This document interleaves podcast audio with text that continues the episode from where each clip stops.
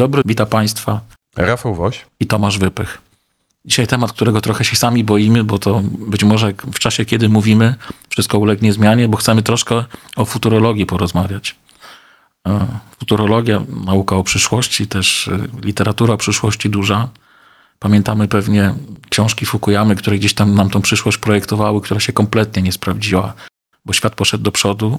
Rafał, jak to uważasz? Czy w ogóle jest sens mówić o jakiejś przyszłości? Czy my jesteśmy ją w stanie zaplanować? Czy to jest po prostu takie doganianie rzeczywistości, której nie dogonimy?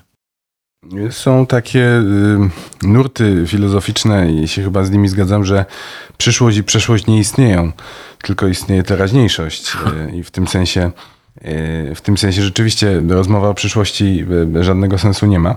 No ale, ale oczywiście sytuacja jest bardziej skomplikowana, bo, bo, bo oczywiście wiemy, że przeszłość i przyszłość istnieją, nawet jeśli tylko, jak to w wypadku przeszłości bywa, jako wspomnienia i jako przyszłości właśnie jako, jako plany, marzenia.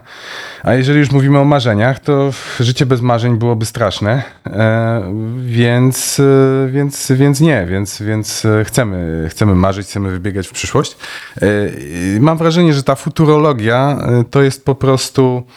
Chcemy porozmawiać o marzeniach i lękach, ale boimy się zrobić tego tak po prostu. E, tak po prostu e, po ludzku, po ludzku więc e, nazywamy to jakąś tam logią, w tym wypadku futurologią, bo wydaje, mi się, wydaje nam się, że wtedy to będzie bardziej uzasadnione, no ale mam wrażenie, że, że, że teraz w tym naszym odcinku nie będziemy mówić o niczym innym jak o naszych marzeniach i naszych lękach. Państwo tego nie widzą, ale jak patrzę na Rafała, to on jest tak uśmiechnięty, że raczej ta przyszłość to jest dla niego marzenie, dla mnie to są lęki. Mm. Pamiętam, jak czytałem o rewolucji przemysłowej, kiedy ludzie marzyli, żeby ułatwić sobie pracę, po czym maszyna parowa zwolniła nas generalnie, gremialnie wiele osób z pracy. Mam takie wrażenie teraz i to jest mój lęk, chociaż też nadzieja na duży rozwój cywilizacyjny, że sztuczna inteligencja no, powoli wkrada się do naszego życia, to już na pewno to widzimy, a po drugie już tak generalnie trochę zachowuje się jak George Clooney, który latał po świecie, zwalniał ludzi i szukał nowego miejsca pracy. Jak myślisz, że Rafał, z tą sztuczną inteligencją da się pożyć, czy, czy, czy nie bardzo? Dokładnie rok temu, mm, w grudniu 2022 roku miała miejsce premiera czata GPT. E, w międzyczasie ten temat obiegł już e, świat e, tyle razy i też nasze rozmowy e, tyle razy, że wydaje się, że to było dużo dawniej, ale to rzeczywiście było dokładnie rok temu. To, to rok temu kalifornijska korporacja, wcale nie ta jedna z największych, Open AI, wrzuciła tego chatbota do użycia i no i właśnie, i wywołała coś w rodzaju takiego, ja bym to powiedział, publicystycznego tsunami, bo e, zawsze, e, znowu, jak sobie pomyślę o tym, e, choćby ostatnich 10 latach, no to przynajmniej dwa albo, dwie albo trzy takie fale strachu pomieszanego z fascynacją e, kolejnymi etapami robotyzacji, automatyzacji mógłbym e, wyróżnić e, tylko w ciągu tej ostatniej dekady. Mhm. Natomiast ta, to tsunami, mm, o którym mówię, to z, z, poprzedniego roku, to jest jednak dużo większa fala. Może nie tyle, jeśli chodzi o samą technologię i jej przełomowość, ale o to, moim zdaniem, że e, sztuczna inteligencja, ta o jakiej mówimy, ta, ta która się e, wyłoniła właśnie z, z tego pomysłu, który e, OpenAI nam zaprezentowało w formie chatbota, to jest bardzo mocne uderzenie w strachy i lęki, i tu przestaję się uśmiechać, gdy Państwo tego nie widzą, ale ja przestaję się uśmiechać. Jest to uderzenie w taką wizję w przyszłości y, nas, ludzi, y, nas dziennikarzy, nas publicystów, nas komentatorów, nas ludzi zajmujących się już nawet no, nie tyle pisaniem czy mówieniem zawodowo, czy opowiadaniem pewnych rzeczy, tylko szerzej nas, ludzi pracujących jako kompilatorzy wiedzy istniejącej. No, Każdy, każdy, każdy z, z, z dziennikarzy, z, ale nie tylko z dziennikarzy, z PR-owców, marketingowców, no wszystkich tych zawodów. mm, można Kiedyś powiedzieć, nazywanych umysłowo, tak? Kiedyś nazywanych umysło, umysłowymi, też czasem nazywanych e, może białymi kołnierzykami, zawodami inteligenckimi, zawodami kreatywnymi. E, te wszystkie zawody, one były w miarę bezpieczne od wpływu tych poprzednich fal mm, automatyzacji, bo te fale automatyzacji e, e, zastępowały jakieś kolejne e, manualne e, prace i manualne komp- kompetencje, robiły je lepiej. Natomiast tutaj e, weszła ta maszyna, która w bardzo dobrze, co do tego nie ma żadnych wątpliwości, potrafi kompilować istniejącą wiedzę. I w tym sensie e, ona robi to, co my, tylko e, szybciej i taniej. No i jest to już bardzo mocna przesłanka do tego, żeby rzeczywiście o e, nasz e, branżowy, zawodowy, można powiedzieć klasowy interes się obawiać. Tak jest I, i, i mamy prawo do niepokoju. Ironia trochę polega na tym, że rewolucja zjada własne dzieci, no bo to nikt inny jak właśnie ludzie, którzy kompilują naukowcy i białe kołnierzyki tą inteligencję no, po prostu stworzyły. Nie wiem, czy nas pocieszę, natomiast rzeczywiście jest tak, że inteligencja, to wszyscy wiemy, już myśli za nas, ym, wygłasza nawet kazania w kilku kościołach, które są podobno bardzo ciekawe. W Australii wystąpiła o przyznanie obywatelstwa i rzeczywiście to obywatelstwo otrzymała. Natomiast jest też tak, że wkroczyła w sferę produkcyjną. Nie będziemy tu lokować marki samochodów, ale jest pewna marka samochodów, która w dużym stopniu jest produkowana przez sztuczną inteligencję. I myślę sobie, że jak ten rozwój jest tak szybki, to jest takie podstawowe pytanie. Komu zostawić kontrolę nad tym, co się dzieje? Czy to ma być jakaś taka kontrola państwowa? A wiemy, że Państwa w różny sposób mogą to wykorzystać, tak? Państwa demokratyczne nawet też pokazały, że czasami działają w sposób totalitarny. Ja już nie mówię o państwach totalitarnych. Czy jednak zostawić to prywatnemu biznesowi, który gdzieś tam ma własne interesy? Wiadomo, że najważniejszym jest zysk. Co z tą sztuczną inteligencją zrobić? Jak ją zaprzęść do tego, żeby pomagała człowiekowi? A może wstrzymać rozwój w ogóle? Może to jest taka, takie drzwi, które otworzyliśmy zupełnie nieświadomie konsekwencji gdzieś tam należy się zatrzymać. Ostatnia choćby debata w Unii Europejskiej o tym, jak ograniczyć rozwój e, sztucznej inteligencji, no pokazała, że z takiego wielkiego C zaczęliśmy i skończyliśmy tak naprawdę na narzędziach, które mogą być nieskuteczne. Co z tym dalej, twoim zdaniem? Własność jest kluczem, moim, e, według mnie. Według mnie e, to, jak ułożymy kwestię własności tego etapu automatyzacji, czyli sztucznej inteligencji, i to też dotyczy poprzednich etapów automatyzacji również. To znaczy, ma zasadnicze znaczenie, kto będzie czerpał zyski z wprowadzenia w życie e, pracooszczędnych e, technologii. Tak? Ma znaczenie, kto jest em, właścicielem em, maszyn, ma znaczenie, kto jest właścicielem robotów, które zastępują człowieka, ma znaczenie, kto jest e, właścicielem em, platform internetowych, na których odbywa się debata, bo tu też jakiś rodzaj automatyzacji był. A, a i teraz ma znaczenie, kto będzie właścicielem em, e, sztucznej inteligencji. Ja z tych dwóch modeli, które zarysowałeś, y, skłaniam się ku modelowi kontroli publicznej i kontroli państwowej. To znaczy uważam, że to jest jedyny sposób, żeby zachować jakąkolwiek przynajmniej iluzję e, e, społecznej kontroli e, nad tym, co się dzieje. Bo jeżeli zostawimy e, ten obszar tylko rynkowi, prywatnym przedsiębiorcom, przedsiębiorcom i przedsiębiorstwom, korporacjom i jeszcze biorąc pod uwagę to, że e, one będą osiągały y, niebotyczne zyski, no bo zysk z wprowadzania e, takich rozwiązań, e, jak na przykład zastępowanie e, pracy kreatywnej przez, przez, przez automat, wiąże się z wyeliminowaniem olbrzymich kosztów ludzkich, co przyniesie przedsiębiorstwom ol, olbrzymie zyski, zmniejszy ich koszty, za tym idzie, zwiększy mocno ich zyski.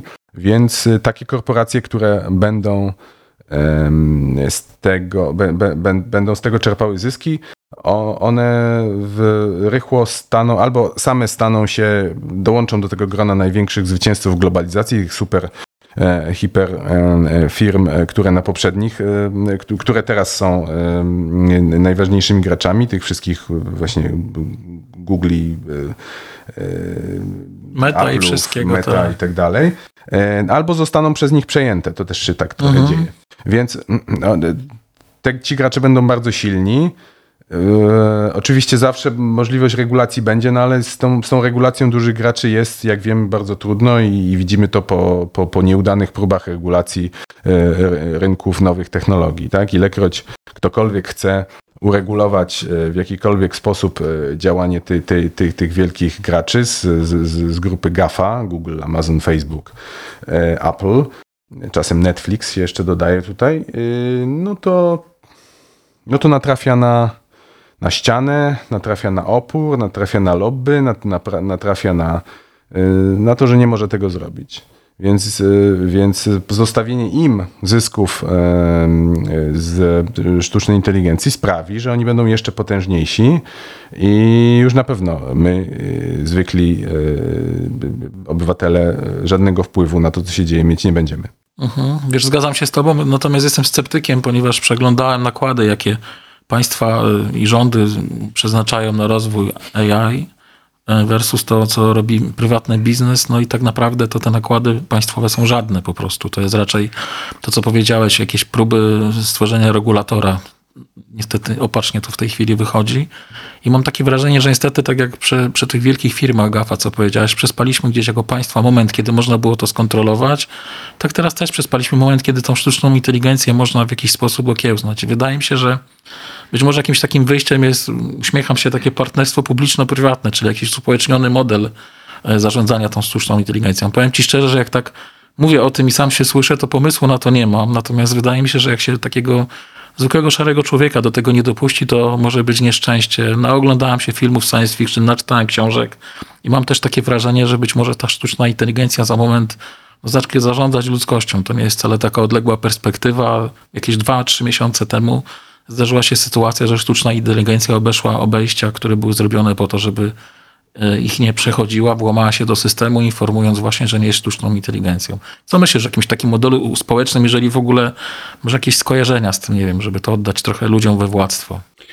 Ja czekam, mm, mam nadzieję, że to nastąpi już wkrótce, na mm, takie wystąpienie, jakie miało miejsce kilka lat temu yy, w postaci książki yy, amerykańskiej ekonomistki Mariany Mazzucato, która napisała yy, taką książkę o tej poprzedniej yy, fazie rozwoju, o, o, o sukcesie tych, tych, tych wielkich firm z grupy GAFA. I ona to pokazała na przykładzie, mm, wzięła smartfona i zapytała w tej książce, co to jest. No to tam stelnił, że smartfon właśnie. A dlaczego to ten smartfon jest taki wyjątkowy? Y, No, bo jest takim, ym, no, jest telefonem, tak? Ale czy wcześniej nie było telefonu? No był telefon, tylko tam inaczej trochę wyglądał, był, był na kablu, ale też można było z niego, z, niego, z niego dzwonić. Więc to, co mamy tutaj, ten smartfon, to nie jest tylko telefon, to jest coś więcej i to, to stanowi o jego wyjątkowości. I teraz dlaczego to jest coś więcej i na czym to polega? No i ona zaczęła roz, rozkładać to na czynniki pierwsze i wyróżniła tam kilkanaście takich technologii, które decydują o tym, że ten kawałek plastiku i różnych mm, metali rzadkich jest, e, jest taki smart. No i tam właśnie mamy takie technologie jak internet, GPS, e, ekran dotykowy, rozpoznawanie mowy, E, Teraz pewnie byłby nią, byłaby nią sztuczna inteligencja. I teraz idąc tym tropem, Mariana Mazzucato pokazała trochę historię każdej z tych innowacji, skąd się ona wzięła. Skąd się wziął internet, skąd się wziął system GPS, e, skąd się wziął e, ekran dotykowy i tak dalej. I e, sięgając odpowiednio daleko, ona pokazała, że to wcale nie jest tak. Jest pewien mit, pewna opowieść, że, że mm, internet zawdzięczamy paru mm, genialnym chłopcom, głównie chłopcom, bo to głównie chłopcy tutaj jakoś dominują, z Doliny Krzemowej, którzy w tych swoich garażach e, tam to zro- zrobili. Albo właśnie pi- pierwsze komputery e, i e, wyszukiwarkę, Google'a i tak dalej. No ale w praktyce, no to oni nie działali w próżni.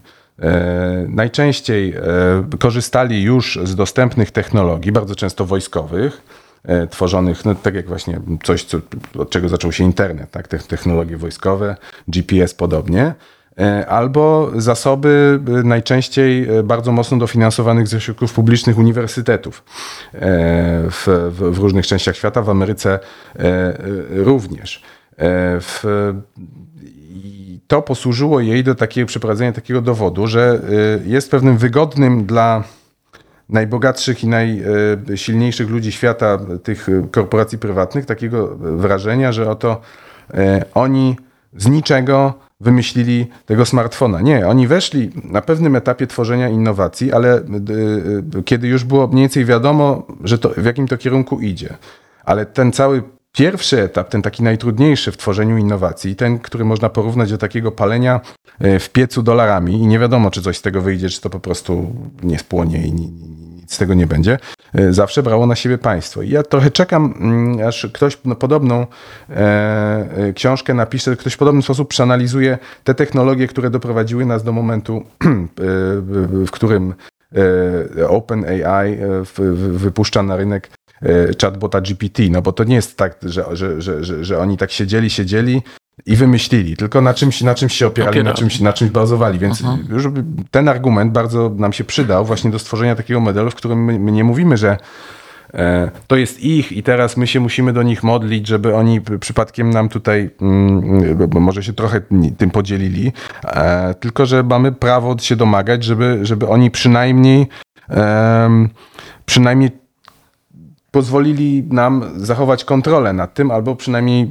żebyśmy weszli w jakiś, e, my jako, jako wspólnota, poprzez polityków demokratycznych, żebyśmy weszli w spór o własność e, tych technologii. Tutaj ten argument jest potrzebny też do tego, żeby to odpowiednio przedstawiać w, w formie opinii publicznej. Więc na to, e, na to czekam, myśląc o, e, o, o jakichś bardziej długofalowych rozwiązaniach. Takiego dotknąłeś bardzo ważnego problemu. Będziemy jeszcze mieli rozmowę o nauce, to już Państwu troszeczkę zdradzamy tajemnicy. Natomiast rzeczywiście jest tak, że wszystkie państwa inwestują no te wiodące w nauki podstawowe, tak? To z tej nauki podstawowej choćby powstała kostka krzemowa, a potem jakoś rządy państwa i, i uczelnie nie potrafią tego zmonetyzować. I być może to jest właśnie taki moment, że na każdej uczelni, nie wiem, powinien być ktoś, kto potrafi to wszystko wycenić, powiedzieć i udostępnia tę wiedzę, ale chce mieć nad tym kontrolę albo zyski, które przynosi, bo No, to jest niestety wielki problem. To dotykamy, to, to w ogóle jest problem współczesności. Yy, Akurat ostatnio yy, bardzo dobrze to było widać yy, na przykładzie przecież koncernów farma- farmaceutycznych.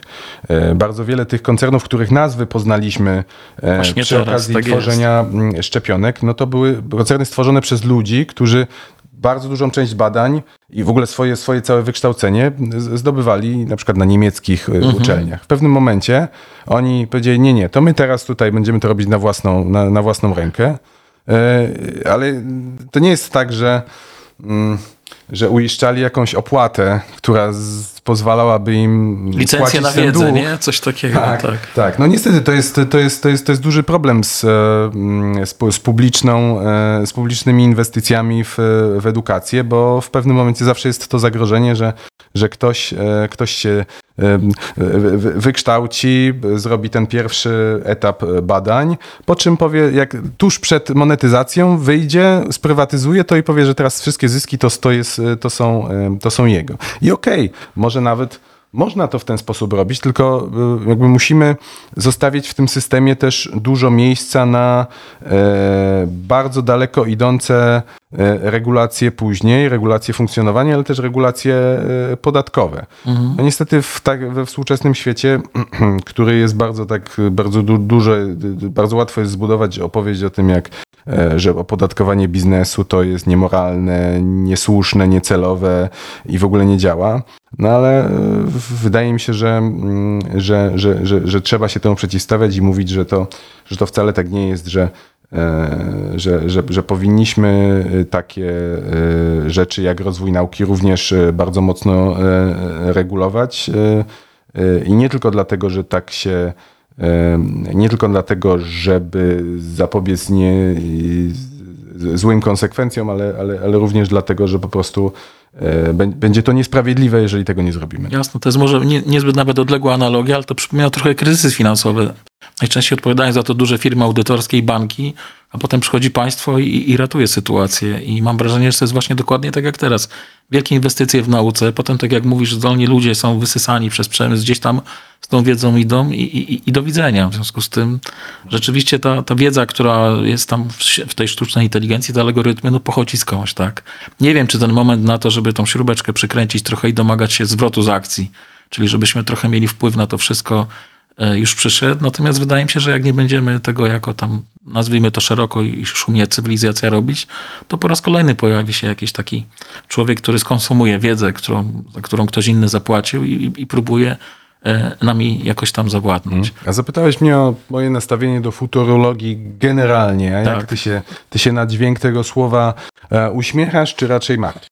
Ja się martwię. Ja się po prostu martwię, dlatego że wydaje mi się, że my nie jesteśmy w dobry sposób mm, przewidzieć przyszłości. Powiem ci paradoksalnie, być może sztuczna inteligencja by nam w tym pomogła.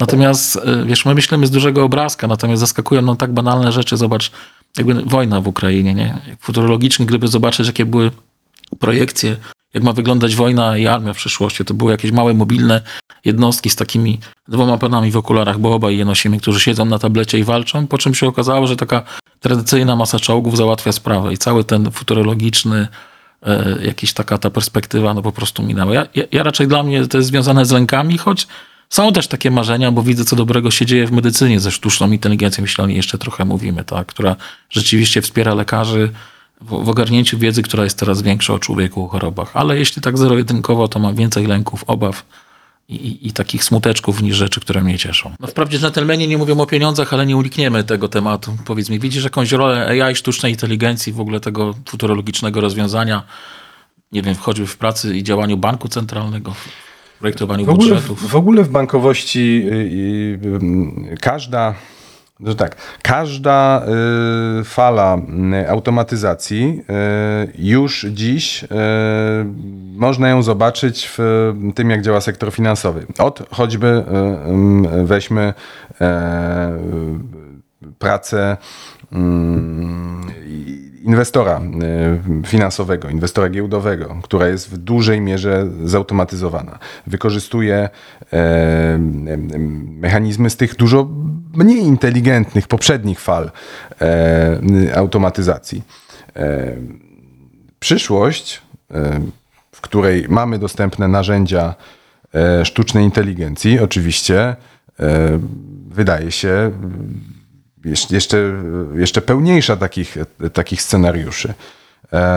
I sztuczną inteligencję można sobie wyobrazić e, w wielu takich rolach e, w, samym sektorze finansowym, e, ale też przy planowaniu polityki gospodarczej, plan, planowaniu polityki finansowej. No tylko, że tu pojawia się to fundamentalne pytanie, czy my tego chcemy. Bo oczywiście, że możemy sobie wyobrazić sytuację, w której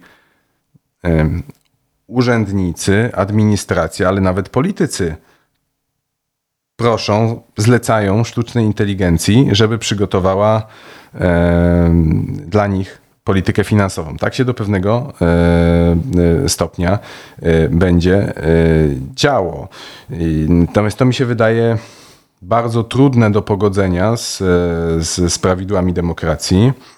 E, Będzie to trochę działało jako taki mm, model neoliberalny, ale jeszcze dużo bardziej wzmocniony, bo no na czym polegał problem z neoliberalizmem w ostatnich 30 latach? No polegał na tym, że e, jakaś część ekonomistów dominująca mówiła, że e, tak naprawdę polityka gospodarcza nie istnieje, istnieje tylko jeden pewien zestaw reguł, a rolą polityków jest dobre odczytanie tych reguł i wprowadzenie ich w życie. Myśmy się z tego wyzwolili, mówię my jako społeczeństwa, skrytykowaliśmy to, mówiliśmy, że to był taki model, który dobrze służył pewnym grupom społecznym, głównie bogatszym, pozwalał im maksymalizować zyski, yy, ale jednocześnie zwiększał nierówności i zagrażał spoistości społecznej. E, Tylko, że nie było wtedy. Oczywiście zawsze była ta pretensja e, neoliberałów do tego, że oni działają zgodnie z regułami e, z regułami nauki, że ich wiedza, że to, nie, że to nie jest jedna z propozycji, tylko to jest takie właściwie bezalternatywne rozwiązanie. W momencie, kiedy zapytamy o to sztuczną inteligencję, a sztuczna inteligencja powie, tak, proszę bardzo, proszę e, zrobić to tak i tak, bo tak się dotychczas robiło, bo jestem, bo, bo, bo, bo, stworzyłem taki e, plan mm, finansowy na podstawie dostępnej e, wiedzy, e, no to musi być nadal ta demokratyczna kontrola. Czy my jako politycy demokratyczni chcemy to zrobić, czy nie chcemy? I musimy mieć siłę, żeby się temu przeciwstawić, żeby polityk, e, menadżer, ale też na przykład bankier centralny e, mógł powiedzieć, to jest tylko mechanizm pomocniczy, to jest rodzaj rady, którą zasięgamy, której zasięgamy, ale tak naprawdę decyzja zostaje przy człowieku. E, I dopóty, dopóki e, polityk, e, urzędnik, e, menadżer czy bankier, e, bankier centralny będzie mógł to zrobić, dopóty my będziemy mieć demokrację. W momencie jak ten człowiek nie będzie miał już tej siły, tego autorytetu, żeby się wyrokom w sztucznej, sztucznej inteligencji przeciwstawić, no to wtedy, e, to wtedy będzie koniec demokratycznej polityki. I w tym sensie jakiś koniec świata dla mnie. Nie, mam nadzieję, że tego nie dożyję. Mam nadzieję, że takiego końca nie będzie. Szanowni Państwo, rozmawialiśmy ponad 15 minut. W tym czasie na pewno sztuczna inteligencja dokonała kolejnego przełomu. Natomiast zapewniamy Państwa, że to nie rozmawiała z Państwem sztuczna inteligencja, tylko rozmawiał Rafał Woś. i Tomasz Wypych. I dziękujemy za uwagę. Zapraszamy do słuchania kolejnych odcinków.